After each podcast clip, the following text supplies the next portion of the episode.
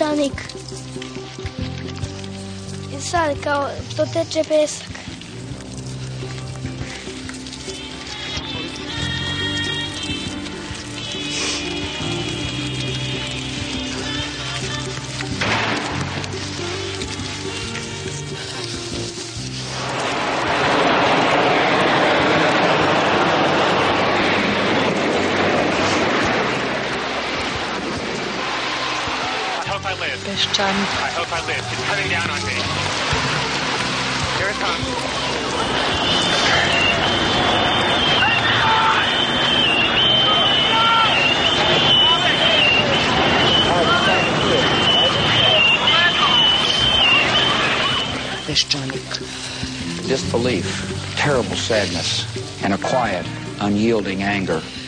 Even though I walk through the valley of the shadow of death, I fear no evil, for you are with me. None of us will ever forget this day, yet we go forward to defend freedom and all that is good and just in our world. Good night, and God bless America.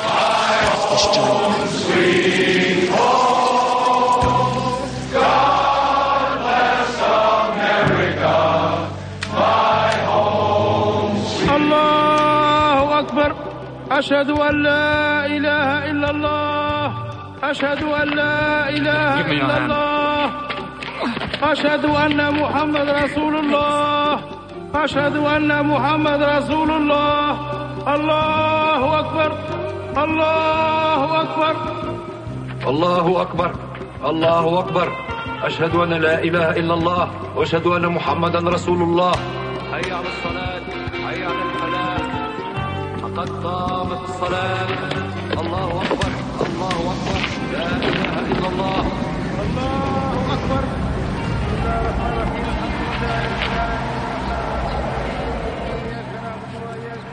Let me tell you about winds.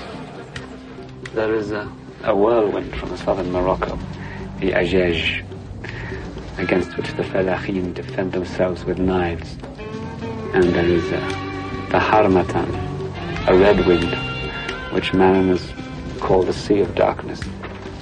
And there is a, a wind, the Samoon, which a nation thought was so evil, they declared war on it and marched out against it in a full battle dress.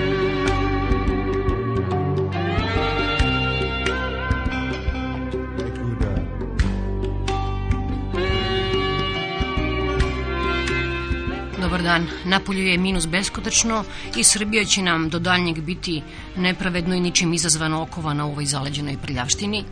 Danas neću pominjati moralnu gromadu zarobljenu u telu Vojislava Koštunice, ni Zorana Đinđića u kome, evo, otkrili smo, a i on sam čuči još jedan lik, lik malog vatrogaca. Da ste ga videli pre neki dan kako nam je objašnjavao kako se u slučaju požara skače sa desetog sprata. Danas e, nećemo proslavljati sretenje, odnosno dan državnosti izvesne države, za to će biti još prilika. Danas ćemo, poštovani slušalci, slaviti odlazak u zatvor Vojislava Šešelja. Ovakva osveta je možda mizerna i možda je jadna, možda je to odsustvo samilosti i ono verovatno nije drago Bogu, ali neka gospodin misli šta god hoće. Vojvodu će, ako ne slaže još jednom, 24. trubači ispratiti u Hag. Svetlana i ja nećemo moći da odemo na aerodrom i da zaigramo, pa evo, nas dve ćemo ga danas sa trubom i pesmom Svilen Gajtan, odnosno Svilen Konac, ispratiti u Hag.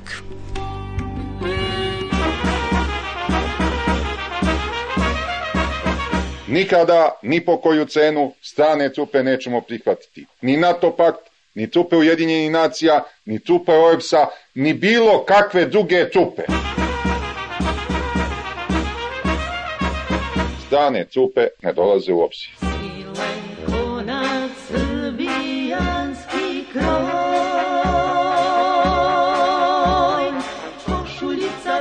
Tanak, ja malena, a ti sladak joj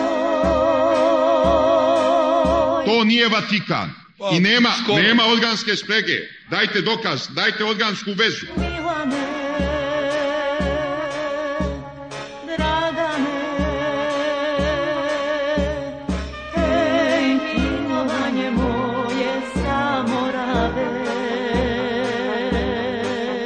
Molim vas, gospođo sudija, da ja sad kažem što ja imam i odgovorit na sva vaša pitanja, garantujem. Ja sam ovde tužena strana. Košuljica izvezena ja, malena iz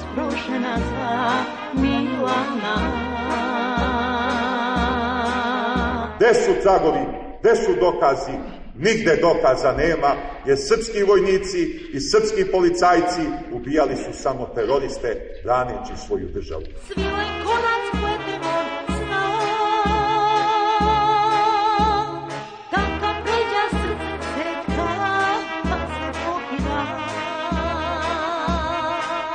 A mi smo svima u Zemunu obezbedili nove prozore, obezbedili nove mokre čvorove, obezbedili parket, obezbedili sve drugo.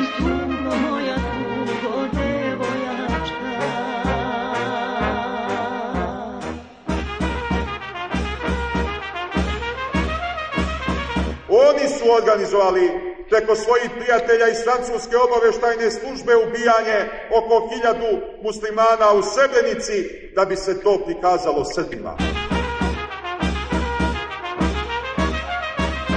U ovih deset godina članovi Srpske radikalne stranke i junačkog srpskog četničkog pokreta kao srpski dobrovoljci borili su se na svim frontovima da se branimo U nas pokido srca. Sin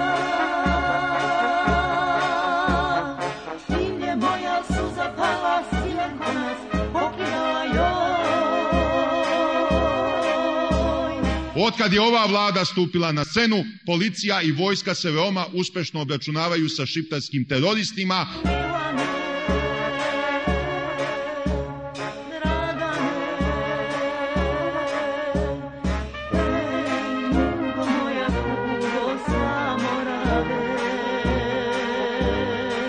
Srpski narod je izgubio mnoge teritorije, ali mi srpski radikali smo ubeđeni da je to samo privremeni gubitak. Košuljica izvezena.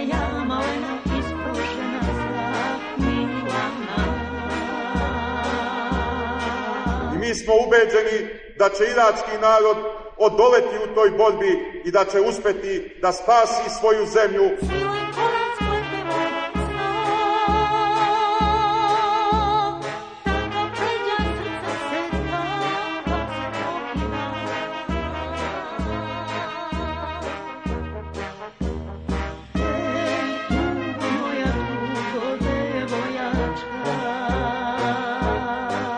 Onaj koga plaća američka vlada ili britanska vlada, taj je američki i britanski agent i taj deluje protiv svoje zemlje, znači taj je izdajnik svoga naroda.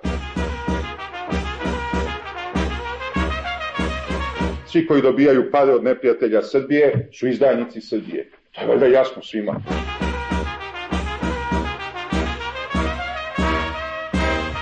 Dva mladića su mi iz familije poginula. Koga da više dajem? Koga da više dajem? I kome da dajem?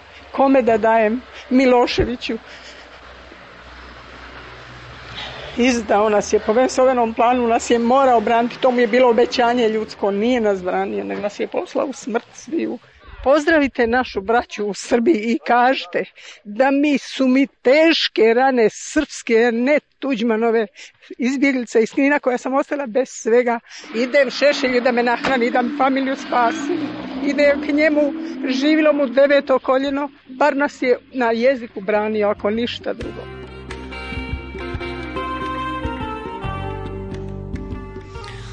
Ova žena koju ste čuli je naj, jedan od onih najstrašnijih dana kome, koje imate u životu. Dakle, to je trenutak kada stotini hiljada ljudi a, prelazi Drinu.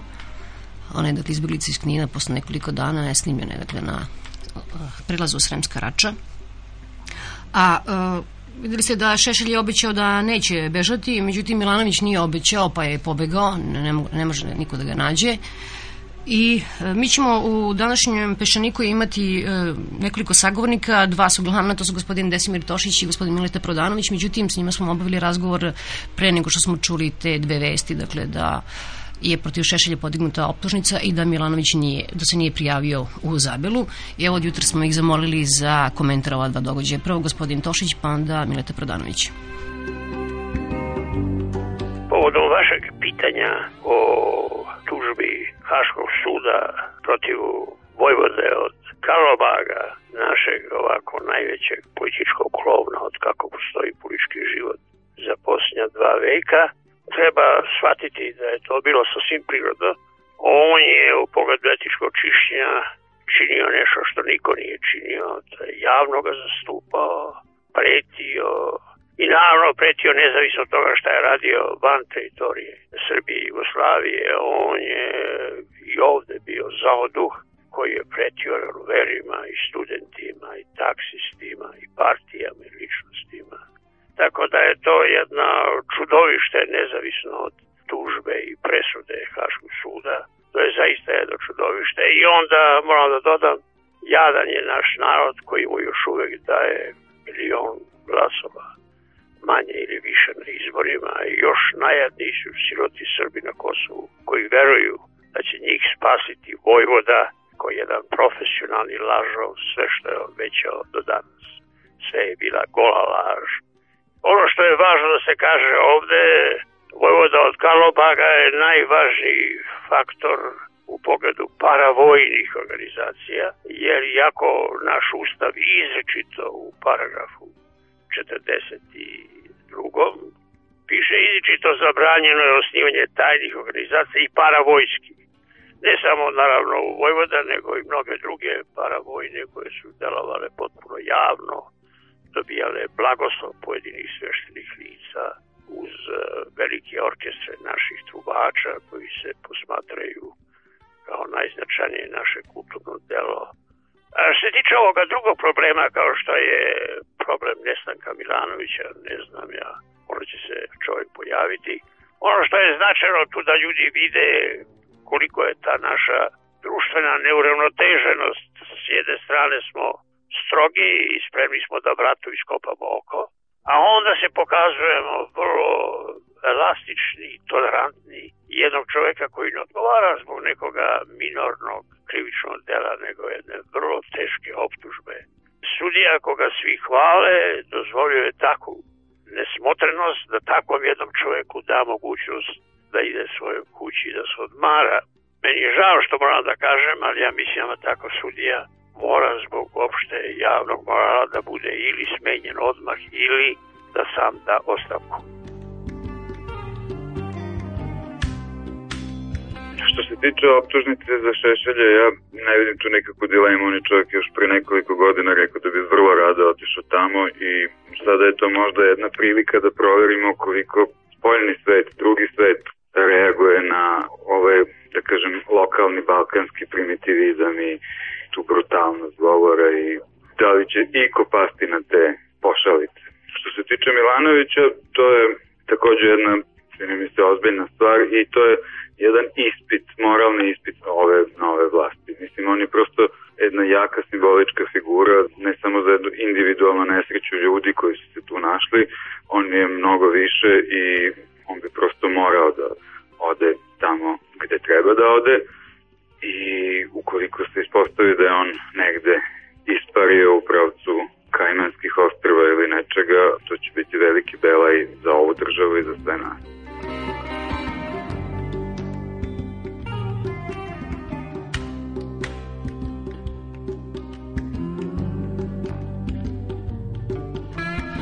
Gospodina Tošića i Milicu Predanović ćete čuti nešto kasnije, odnosno te intervjue koje smo napravili, a na početku, odnosno sada slušate uh, javnu debatu, uh, delove javne debate koja je održana u organizaciji Helsinškog odbora pre nekoliko dana pod nazivom Nacionalizam danas uh, i to povodom objavljivanja knjige Tačka razlaza u kojoj su sakupljeni svi tekstovi velike polemike koje je vođena u listu Vreme osnovna tema prepiske, da vas podsjetim, uloga nezavisnih medija i deetnifikacija zločina.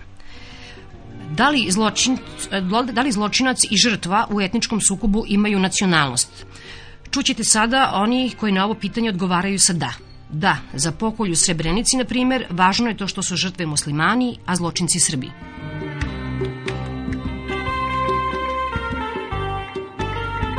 Ljudi koji zastupaju ovakav stav, eh, sociolog Slobodan Antonić eh, nazvao je misionarskom inteligencijom, jer im je, kako on to kaže, duhovni zavičaj u nekoj drugoj zemlji, dok svoju zemlju doživljavaju kao tuđinu. Zajednica ih odbacuje, oni doživljavaju neku vrstu sloma i počinju da mrze čitavu zajednicu. I to do otvorenog prizivanja okupacije civilizovanih stranaca. To se u vreme Miloševića i Šešelja prosto zvalo izdajnik i strani plaćenik. U prošlom peščaniku čuli ste Petra Lukovića, a danas a, govore gospođe Latinka Perović, Laslo Vegel, Vera Ranković, Ljubiša Sekulić, Srđe Popović i Olivera Milosavljević. Pitanje, kakvi su bili ratovi 90-ih? Odgovor, to su bili ratovi za odbranu ugroženog naroda, za odbranu Jugoslavije od drugih naroda koji je nisu želeli i za odbranu Jugoslavije koja je bila smetnja međunarodnoj zajednici za ostvarivanje svojih hegemonističkog ciljeva. Pitanje, da li je bilo zločina sa naše strane? Odgovor, u svakom ratu ima zločina, pa su i ovim ratovima svi činili zločine, ali u ratu zločin i nije pravi zločin, jer nastaje u nužnoj odbrani. Pitanje, ima li zločinaca na našoj strani? Odgovor, ne mogu se tako nazvati jer u odbrambenom ratu postoje samo heroji patriote, a ako je i bilo nekontrolisanih pojedinaca, oni imaju ime i prezime i samo su oni odgovorni za to što su radili. Pitanje ko su najveće žrtve Miloševića, odgovor mi smo njegove najveće žrtve.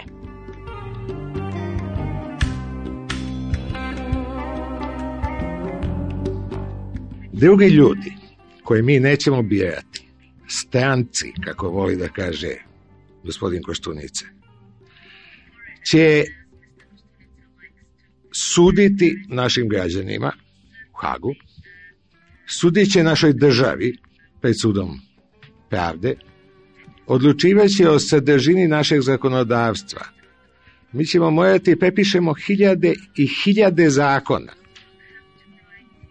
koje zahteva Evropska unija. Parametre našeg ekonomskog razvoja određivaće ti stranci. Naše granice će odrediti stranci. Odlučivaće konačno o upotrebi naših oruženih snaga u okviru NATO, naravno. Zato što jedan anahran kurs na kome smo istajavili 15 godina došao je pred jedan zid. I sad oni koji malo misle, okrenuli su se i pokušavaju da se vrate 180 stepeni nazad u suprotnom pravcu od onoga u kome smo se kretali. A oni malo manje pametni ili malo više obuzeti svojim emocijama to ne dozvoljavaju jer nas gujaju dalje u taj zid. Oni poput legije i dalje brane čast i dostojanstvo, mada u tom porazu nema nikakve časti, niti ima ikakvog dostojanstva u onom verpoljenju na optuženičkoj klupi u Hagu.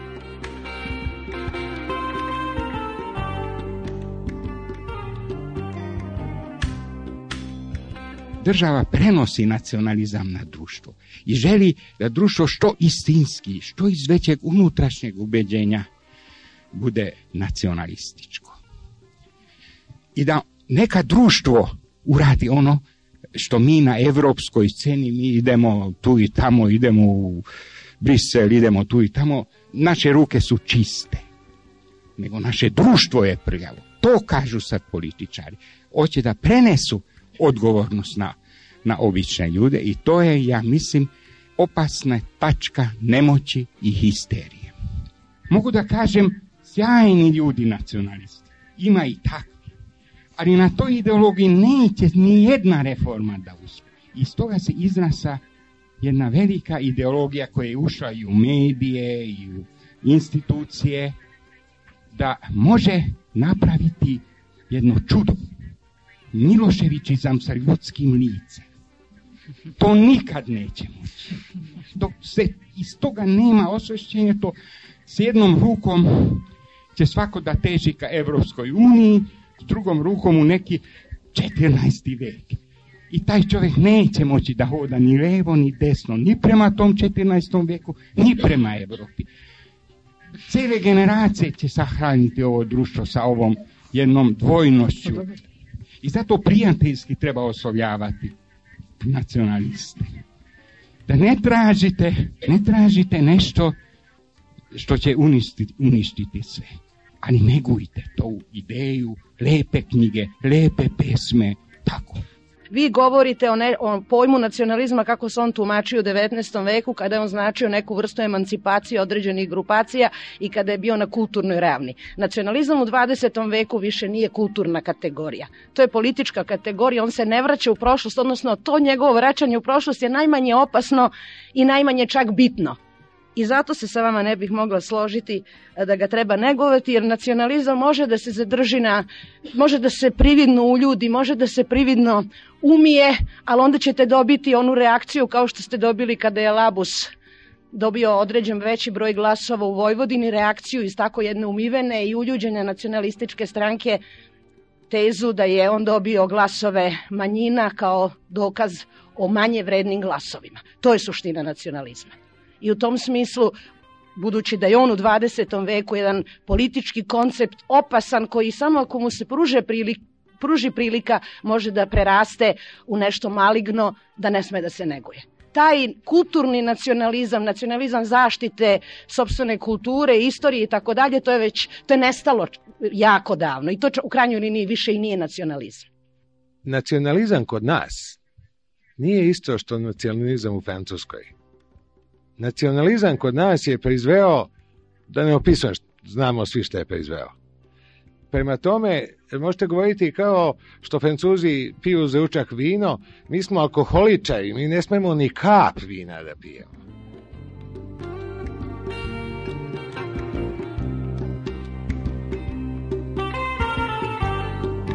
Kako sam spremajući se za ovaj skup zabeležila nešto što je govorio Jakov Ignjatović, On je 1848. godine još zapisao Rod, misleći na narod naravno, nije kriv.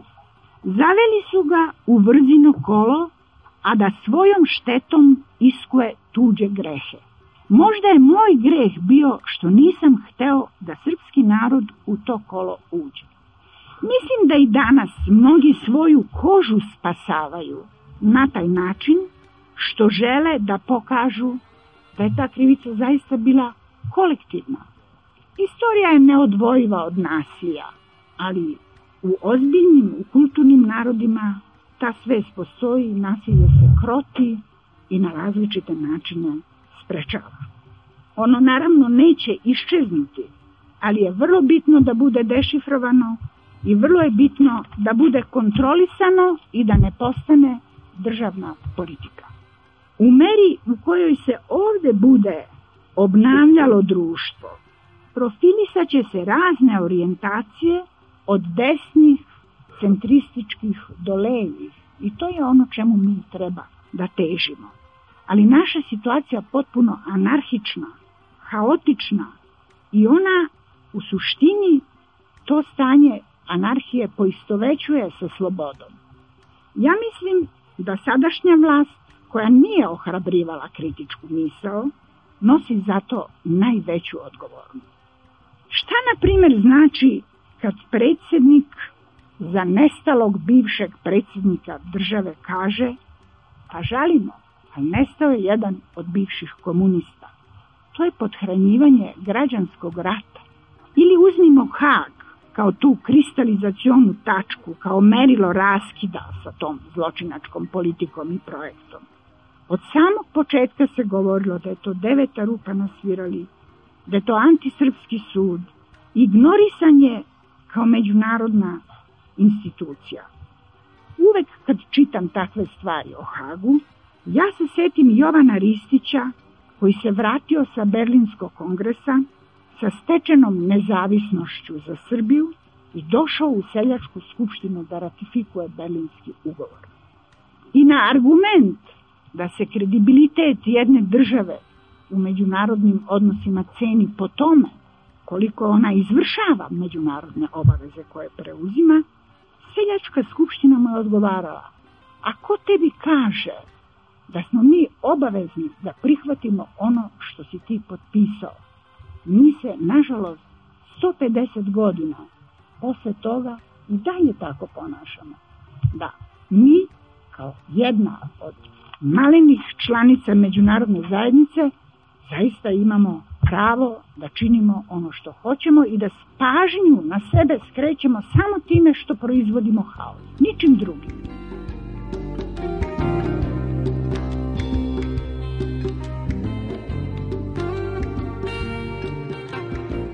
Naravno, mi ovde možemo do ujutru govoriti o tome šta se sve događa u ovom društvu, kakve su ekscesi, nacionalizam, neodemokratije i tako dalje i tako dalje. Međutim, to se događa. Recimo, ovde je bilo reči o tome da, da će ove reforme da propadnu ako nema odgovarajućeg političkog okvira. To je tačno, teorija kaže tako. Međutim, to se ipak događa tako. Mi po svoje promene.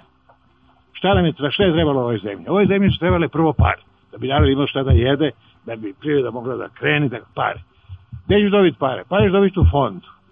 Jer bez fonda nećeš nigde drugo dobiti. Fonda, kada bi ti dao pare, on ti kaže daš ti pare, a ćeš da uradiš to, to, to, to i to. I mi smo to počeli da radimo. I to su reforme ekonomske. I one idu dalje. I one će ići dalje, bez obzira što nema političkog okvira. Koliko će one biti uspešne, ja ne znam. Ali ne možemo sad reći, e pa, nema političkog okvira, pa nema reforme. Možete prekrsiti ruke, pa, pa ne znam šta čeka. To će ići i to ide. Recimo, kako se ja protumačio i nekoliko Đinjićev izjava. Te, ne znam, ratna šteta, te, te na Kosovo se vratimo, te ovo, te ono. On čovjek računa, dolazi izbori, pa mora malo da drpne od ovih nacionalističkih glasova. Ali to je realna situacija u ovoj zemlji. Može Per Lugović govoriti koliko god hoće, šta ga nervira. I mene nervira isto to. Ali to je tako. Pepovac je pre neki dan pisao da treba neke nove političke snage. Može to, to treba. Ali najmanje što treba da mi sedimo sami sa sobom i da o tome pričamo.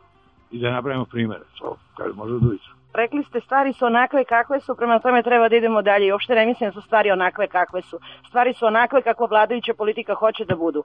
A na nama je da se tome suprotstavimo. A meni je više dosta da stalno biram manje zlo.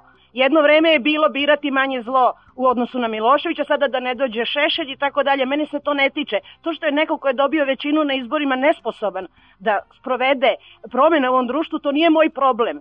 Moj problem, pa ja ga ne smatram svojim, to je njihov problem, ali nisu zato stvari takve kakve su. Takve su zato što oni takve hoće da budu.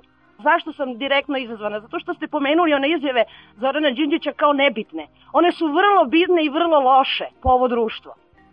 Prema tome, to što je on to iz nekih motiva trenutno političkih izgovorio, a pritom možda nije razmišljao šta je njihova dubinska pozadina, to je opet njegov problem, nije moj problem, ali neću zbog toga da to prihvatim kao činjenično stanje. Onaj Rubikon koji ova država mora da pređe, to je da li je zločin kažnjiv ili nije. Niko neće doći u ovu državu da investira ako ovde nemate pravnog sistema. A to da li se poštuje ugovor ili da li je zločin kažnjiv, to su dve strane iste medalje. Podsjetit ću vas, gospodine Sekuliću, mi smo na forumu imali nekoliko, u nekoliko prilika ambasadore koji su pričali sa nama. Setite se šta su nam rekli. Dva ambasadora. Beograd ne može biti evropska prestonica dok mi imamo 10 km od centra Beograda, 800 leševa naših sugrađana. Već dve godine ta stvar se ne, ne otvara. Dve godine mi nemamo investiciju u ovoj zemlji. Mi živimo od donacija. Sve te reforme mačku o rep ako mi nemamo investicija. A investicije nećemo imati dok ne uspostavimo minimalnu državu. To je moje mišljenje.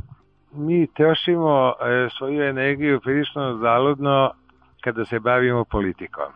Mi nikakav politički uticaj nemamo i tako reći nije uopšte važno šta mi mislimo o politici.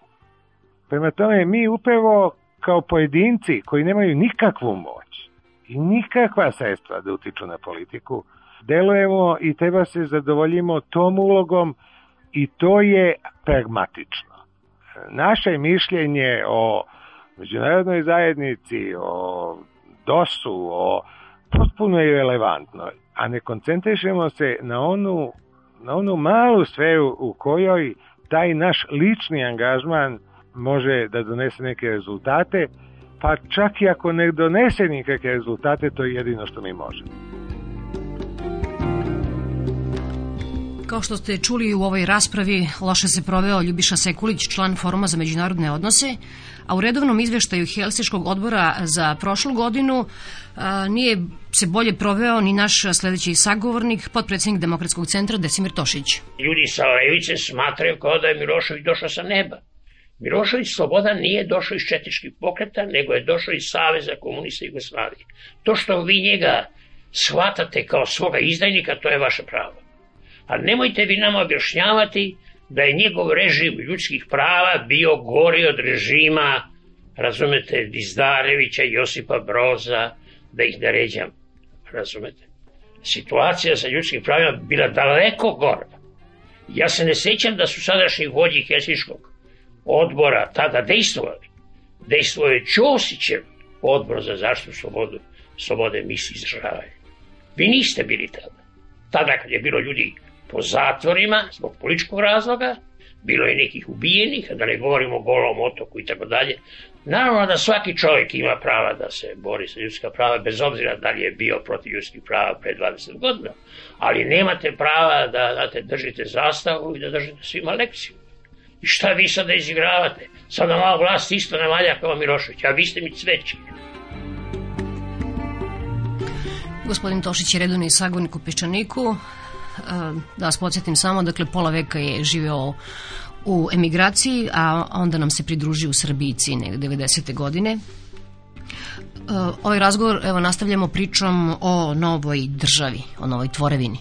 Ja imam neko malo iskustvo sa ovim kandidatom za predsjednika ovoga Saveza Crna Gora Srbija i tu imam neku nadu. Kao što sam, kad sam video ko je u delegaciji Crnogorskoj za povelju, ja sam se zgranuo. Oni su poslali ekstremiste. E sad ćemo vidjeti kako će taj eksperiment. Ja lično bih volao da to uspe. Pošto ja sam bio uvek za jugoslovensku zajednicu, iako nikad nisam bio jugosloven po nacionalnosti. Uvek sam smatrao da je to veliki eksperiment istorijski u kome je srpski narod učestvovao, izvesne organizacije u Hrvatskoj, Bosni. I žalosno je da u povelji nije nigde mogao da se nađe da se nađe mesto za reč jugoslovenski, bar u pridevu, ako ne u imenici. Ali ja lično mislim da, znate, 1918. ili pre 14. godine Niška deklaracija, da su to bili ipak veliki narodi prema današnjem malom narodu. Veliki narode su imali velike ideje, velike planove, velike projekte. A ovde su mali narodi, naravno, crnogorci koji sebi izgledaju kao velika sila, u stvari još manji od nas. I ono što je, znate, još jedna protivrečnost naša, u celom 19. veku crnogorci su bili ispred nas u borbi za jugoslovensku ideju, za ujedinjenje Srbije i Crne Gore. Mi smo se bavili kao i sada tričarijama našim unutrašnjim, dinastičkim, partijskim. Oni nisu imali toliki broj naučnika, književnika, ali to su bili veliki ljudi, znate, prvi je Njegoš, koga ne možete odricati kao ujedinitelja srbijansko-crnogorskog, i Nikola Kralj, a svi ti, čak i protivnici Srbije, oni nikad nisu poricali da su nacionalno Srbi. Tu je sada jedna transformacija izvršena pod Titom. Ja lično mislim da ova crnogorska ekipa koja je na višem nivou intelektualnom nego recite dobar deo vlade Srbije, u osnovi je to poslednji ostatak titovskog aparata, titovske misli, titovske podsvesti, ta ideja o državi gde je svaka opština postaje suvereni faktor našeg društva. Tako da mi nismo iskoristili slobodu.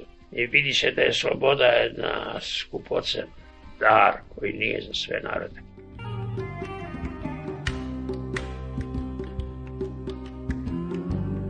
Ta neozbiljnost, znate, užasna neozbiljnost u situaciji koja je vrlo ozbiljna.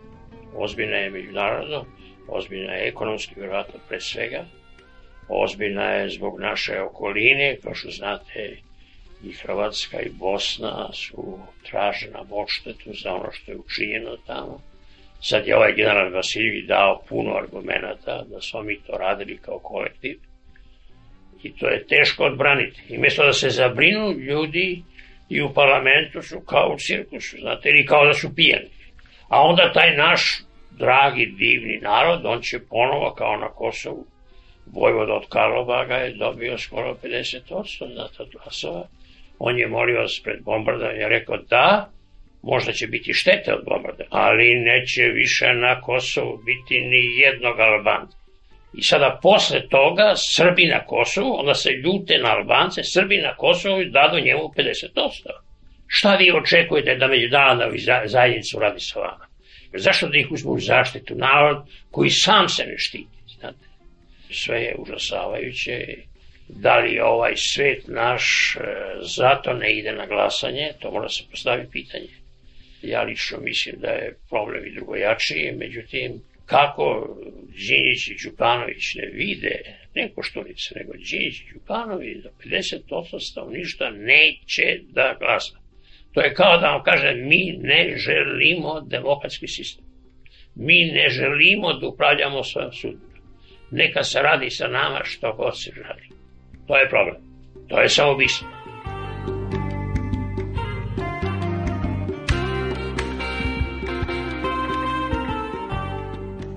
Ovde ako primetite, diskusija se ne vodi od ideja. Vi ćete najlevijeg čoveka videti okruženog sa pričajima, kraljevima, princezama. Naši ljudi koji se krste, ministri, oni nisu pravoslavci. Oni to rade zbog marketinga. Mesto da kaže, ja to ne mogu. Kad Srbi odu, znate, to je vrlo interesantno u katoličku crkvu, i onda kleče, znate, onako na onim klupama katolici, sada vidite, naši ljudi odmah kleknu. Povodivi smo, nemamo nikakve uvarenja, znate onda šaljete u Vatikan najekstremnije episkop. Šta je sa nama, ja ne znam. Ali ima neki poremećaj. Sada u strahu za gubitak vlasti, ljudi se bore ludo, pošto van vlasti neće biti ništa. Vi ne primećujete u kojoj meri ljudi koji nemaju vlast nemaju ovde težinu. Razumete? Ja to gledam recimo čak i u okviru političkih stranaka. Prepostavite da su jednoj stranci postavlja neki problem i prepostavite da mora da se donese odluka. I vi sada, recimo, ja sam svedok, do 11 sati svi misle kao vi. Ako šef stranke u 2 sata pa podne održi govor suprotan od vašeg, onda se ljudi prebacuju odmah na njegovu stranu. Zašto? Zato što nema nikakvog uvarenja. Mi smo ne misleće društvo. Recimo, uzmite jednu diskusiju koju niste pomenuli. To je ova diskusija koja je prošla leta bila u vremenu. I moram da priznam, dva čoveka su mi se izrazno svidela, to je, da kažem, moj prijatelj Stojan Cerović i Mila Milošević. Potpuno sam na njihovoj strani. To je prosto neverovatno kako su ljudi koji na neki način pripadaju istim tendencijama, istim pogledima, istom časopisu, znate, kako su se oni međusobno dohvatili. Ja ne znam da su se konačno zakrvili, vidjet ćemo, sad će biti docnjeni. Vaš prijatelj Stojan Cerović mi je rekao u intervju pre jedno dve nedelje da odlaskom sa mesta predsednika Jugoslavije Vojislav Koštunica praktično odlazi u neku vrstu anonimnosti. Kako će i da li će Vojislav Koštunica ponovo biti moćna politička figura u, u Srbiji? Ja ne verujem. Znate, to je jedan poseban tip čoveka koji ne odgovara našem narodu. Narod misli da je on četnik, onda nacionalista, onda Beogradska čaršija, sve možda to postoji u predsjedniku Republike, ali on nema snage da to, znate, podvuče, da izvuče na videlo. On je najjači kad pominje Zorana Đinjića, znate. I ono što me uplašilo užasno, moram da priznam, povodom posljednjeg izbora kada je dao izjavu i rekao da će videti leđa Zorana Đinjića, pošto je video leđa Josipa Broza, To je zastrašujuće. To možda liči na osvetoljubivog četiškog komandanta, ali ne liči, znate, na seljake, na nacionaliste normalne, jer to je ono strašinost revolucionarna, znate, da ne upotrebim drugu težu reč. Vojvoda je izvršio najveći kulturni politički uticaj na naše političke vođe i na našu publiku. I to je ono što je, tako reći, katastrofa. Znate. Mi smo sa Padom Miloševića otvorili neka vrata, kako ja kažem, ali nismo još izišli iz toga našeg brloga u koji smo ušli pohodavno.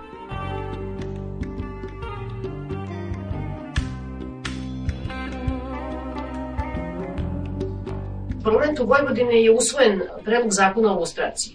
Je to moguće da se ovde uradi i da li ste vi za to? Ne, zakon možete doneti, ali ga sprovesti, ja mislim da je vrlo teško. Nema ljudi.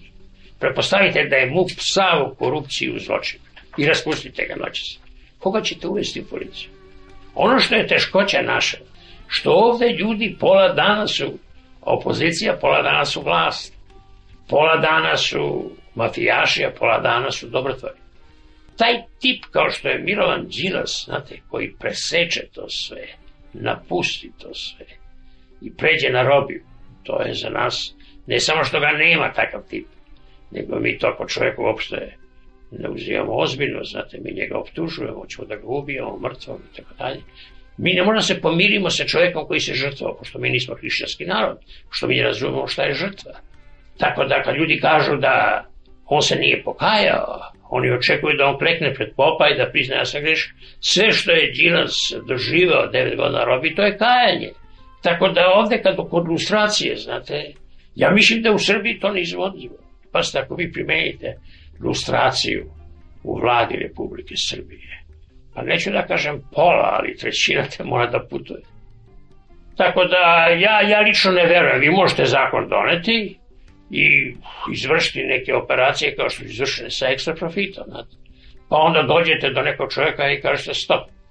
Ja se prašim da mi zakon nećemo kompromitovati, pošto ne možete da ga izvedete, da ga izvršite. Onda on gubi svoju vrednost i onda počinju u svesti ljudi da zakoni gube svaku vrednost. A treba obrnuto da bude da zakon utiče na ljude, znate, bilo da se radi o prelasku kroz e, semafor, znate, što recimo na terazijama. Ne hoda jedan čovjek ili žena, nego su hvate dve, tri devojke idu zajedno, pošto neće da oni pogine samo jedna, nego sve tri treba da pogine. Jer mi smo izgubili. Drže se ispod ruke, znate.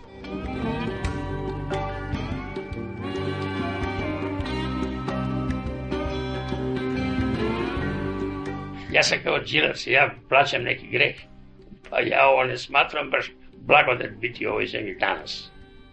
Nikad neću zaboraviti jednog svog druga u Parizu, Crnogorca, koji je siroma humora, bio mlađi od mene 15 godina. I kad sam otišao tamo, već sam bio u Beogradu, ali sam otišao u posetu. I onda kad smo se rastavljali uveče, ga više nisam ni video. Kaže mi onako sa bolom i setom, vrati se. Da se vratim natrag. Za mene je vrlo teško, znate, ne zbog samo materijalnih finanskih uslova, je to problem sve teži, nego mi je teško, znate što ja prisustujem toj drami, već molim vas, kako sam napunio 20 godina, znate, tako reći 10 godina normalnog života nemate, znate, stalno. Kako ovaj svet ne osjeća tu našu tragediju, to meni nije jasno.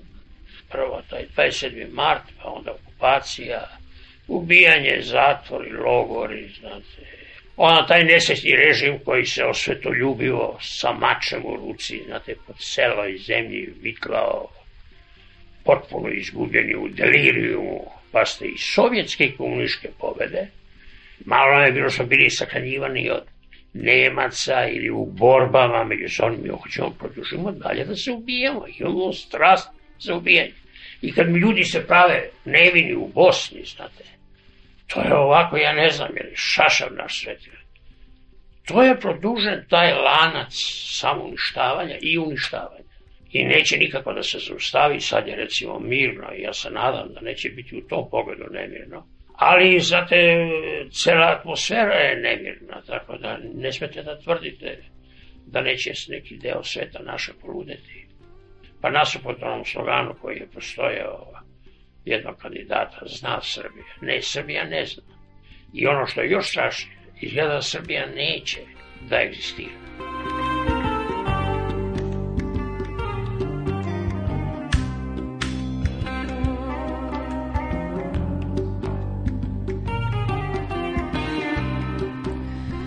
Bio je gospodin Desmir Tošić, a naš sledeći sagovornik je slikar i pisac Mileta Prodanović. Njegov poslednji roman Vrt u Veneciji počinje i završava sa sledećim rečima. Drugi neka govore dok pada kiša i kada je oblačno. Ja govorim samo kada sije sunce. Mene bi lično malo ogrelo sunce kada bi usvojili ovaj zakon o lustraciji, pa makar ostali bez pola vlade i desetkovali DSS. Govori Mileta Prodanović vrlo često razmišljam i o toj nekoj mogućoj lustraciji ha, ili nekom pandanu e, tome u onoj oblasti koje mene najviše zanima i iz koje dolazim, a to je u nekom širom smislu kultura. Ne mislim da bi bilo kome trebalo udarati vatrine žigove na čelo kao kod Domanovića naravno, ali ja sam se svih ovih godina trudio da pamtim, jel? i nedavno je Aljoša Mimica sa grupom saradnika skupio i objavio jednu studiju o čuvenoj politikinoj rubrici odjeci reagovanja. Ne trebam slušalcima ove radiostanice da govorim šta je to bilo. Ali je zanimljivo koliki je procenat takozvanih ljudi iz kulture osetio tada potrebu da, da duva u u jedra ludila, ne znam, mnogima je to možda i promaklo, ali e, jedna od ključnih knjiga memoarskih e, iz novih vremena su ti memoari Borislava Jovića. Kada čovjek čita tu knjigu, a opet iz perspektive rubrike odjeci reagovanja politikine, da se on hvali kako je dva puta e, pod promenjenim imenom, znači iz perspektive predsjednika ili člana predsjedništva države, pisao pljuvanje Ante Markovića. Znači, neko ko je jel, predsjednik, pljuje premijera i on kaže, on se onako tu hvali u toj knjizi, ja sam mu rekao to, to, to i to. Onda nekom suvislom čitavcu svega toga, na kraju bude strašno drago što je uopšte živ još danas, kada pomisli kakvi su e, nekompetentni ljudi i na granici psihijatrijske brige, u kakvim rukama je bila naša sudbina. Ponavljam, ne mislim da su ljudi koji su se tad pojavili tu e, obavezni da nose neki znak na odeći ili tako, ali kada već nastupaju u javnosti, bilo bi, ja bi prosto donao neki propis obavezujući za sve redakcije, da se uvek kaže taj taj saradnik rubrike odjeci reagovanja ili taj taj govorio na promociji dnevničkih zapisa Mirjane Marković. Prosto da e, mlađi ljudi koji dolaze znaju s kim imaju posla. Ne znam, ključna tačka je ta 95. godina, ja se tu potpuno slažem sa onim što kaže Svetlana Slapšak, znači onaj ko je bio protiv Miloševića posle 95. godine kao i da nije bio, mislim, to je prosto jedna moja premisa. Iz perspektive toga svega e, me je nedavna pojava Milorada koji nije gospodin Legija, nego njegov mentalni, duhovni srodnik e, Milorad Vučelić u, u jednoj popularnoj emisiji televizijskoj me je onako dosta da kažem zaintrigirala. Ja sam naime isto bio pozvan da budem u toj emisiji, ja sam se ipak sa nekim žaljenjem, pošto volim tu emisiju i divim se onome što radi Olja, Olja Bečković, ali e, ja sam stvarno morao da, da odustanem od učestvovanja. Tu je, tu je, ja sam se prosto uplašio da ja neću moći da budem pristojan pored jedne takve, takve moralne jaruge, kako predstavlja Milorad Vučelić, koji je prosto jedan derivat uh, jedne druge velike moralne jaruge uh, koje predstavlja njegov nekadašnji mentor, a to je Dobrica Ćosić. I naravno da sam pogledao koliko sam mogao tu emisiju i to je prosto fascinantno kako taj čovek govori o tegobama liberalnog kapitalizma i o tome kako ljudi teško žive ovde. Kao da smo svi mi živeli na Novoj Gvineji u ovih svih deset godina i kao da taj čovek juče došao ja, ali epilog uh, svega toga jeste činjenica da je neko za tih deset godina i za angažman u tih deset godina dobio Rolexa ili već šta, a neko drugi je dobio svoje dete u limenom sanduku. E, ja se samo pitam dokle i kako to dalje.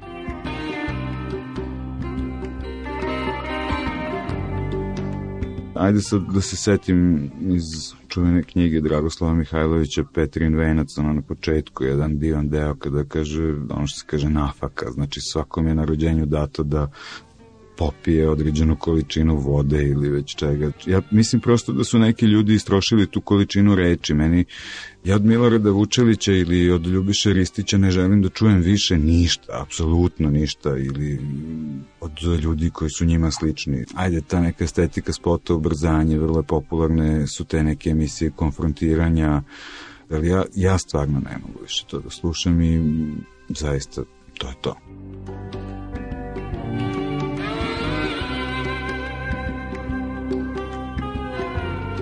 Cijele te 90. su sticam nekih spoljnih okolnosti za mene i za mnoge ljude iz mog kruga prošlo je mnogo višem stepenu nekog društvenog angažmana no što sam ja to ikada mislio da, da, da će mi se dogoditi u životu. Ja sam na neki način odabrao posao kojim se bavim, to strašno volim i stalno sam čekao da dođe taj trenutak kad ću moći to da radim. Rekao, samo da se završi ova konstantna, da kažem, dnevna borba da ne postanemo insekti. Ne samo svako od nas, nego i ljudi oko nas, jel, u želji da prosto me više to nikad ne zanima, da ja odem na izbore, zaokružim neki list nečega i kažem ovaj čovek je po mom mišljenju neko ko će biti moj reprezent i neko ko će biti ne moj gazda, što se ovde u Srbiji stalno je to tako postavljeno, ne moj lider ili ne znam šta, nego moj civil servant, znači neko ko će umesto mene raditi neke stvari nažalost nije došlo baš tako vreme, jer ta neka promena, nezavisno od toga što se tu i dalje muvaju neki aveti prošlosti, što to što su ovi radili vrlo često je bilo usmenog tipa, tako da čak i najbolje pravosuđe bi sa tim imalo veliki problem. Setite se ove cele priče sa Mirkom Marjanovićem i onim devizama koje on diga, on je diga svoje devize, znači nije on diga moje devize koje je napljačko 93. ili ne znam koje, nego je diga svoje devize i onda je tako on zbunjen, nema računa, da se ispostavi da ima, eto tako to je, znači sve je to bilo trag jedne usmene kulture. Tako da će sudstvo vrlo često biti u nekim nedoumicama i nedaćama, jeli kažem, te promene generalne na tom opet mom mikroplanu nisu donele tu neku relaksaciju koju sam ja očekivao, jer čak i u vreme Miloševića ti neki ljudi koji su se muvali u kulturi kakve god da su bili, a bili su strašni, nisu imali tu neku pretenziju da zanište baš sve okolo. Odjednom su iskopani ogromni rovovi, mi smo iz tog seljačkog polufašizma uleteli u jedan seljački, podjednako seljački, primitivan e, polukapitalizam. U trovovima su se ljudi ušančili, odjednom su se postavili neki korporativni identiteti, neke patološke odbrane svojih e, etiketa, ovih ili onih, stečenih, opranih, bilo kakvih. I bojim se da je došao trenutak e, kada će mnogi ljudi biti prinuđeni da budu na, mnogo, na još većoj margini nego što su bili u vreme Miloševića, jer sad je prosto na snazi neka ideja da se taj drugi e, ne omete, nego da se zaništi, da se izgazi, da, da nema pravo da postoji. Evo imamo sad e, juče preključe slučaj da je jedna od velikih književnih nagrada u ovoj sredini ukinuta na neko vreme i to je u stvari bio jedini način da se ličnost Meše Selimovića spase od e, nasrtljivih e, ljudi. Mi nemamo više nikakvo tre, e, neutralno javno mnjenje u oblasti kulture. Ne postoje, likovna kritika je umrla prirodnom smrću davno još, ali sad imamo jednu drugu situaciju da je književna kritika je umrla sad pre izvesno kratkog vremena. Znači, prosto je nemoguće zamisliti e, da neko iz jedne neutralne pozicije, a da pri tome nema neki pozadinski interes ovakav ili onakav, kaže evo ovo je ovako, ovo je čovjek napisao, ovo valja, ovo ne valja. Nego je to sve borba na život i smrt. Ja sam zaista očekivao da jedno vreme budem ostavljen na miru, ja nemam nikakve zasluge, ja ne želim da imam nikakve zasluge i stvarno najviše što sam želeo to je da me se malo evo, pusti, ali očigledno ni to nije baš moguće.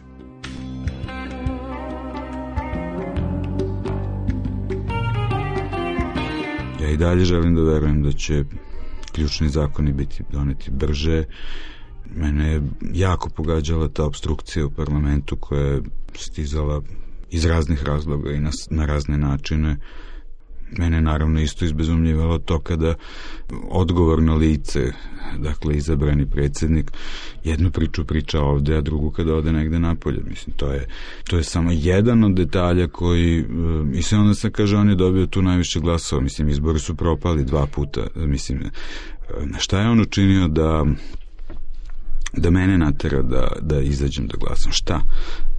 Na kraju krajeva je moj kandidat je pobedio, jer ja sam m, zaista mislio da je dobro da prvi put u istoriji imamo ženu predsednika i ja sam tu potpuno ok sa tim.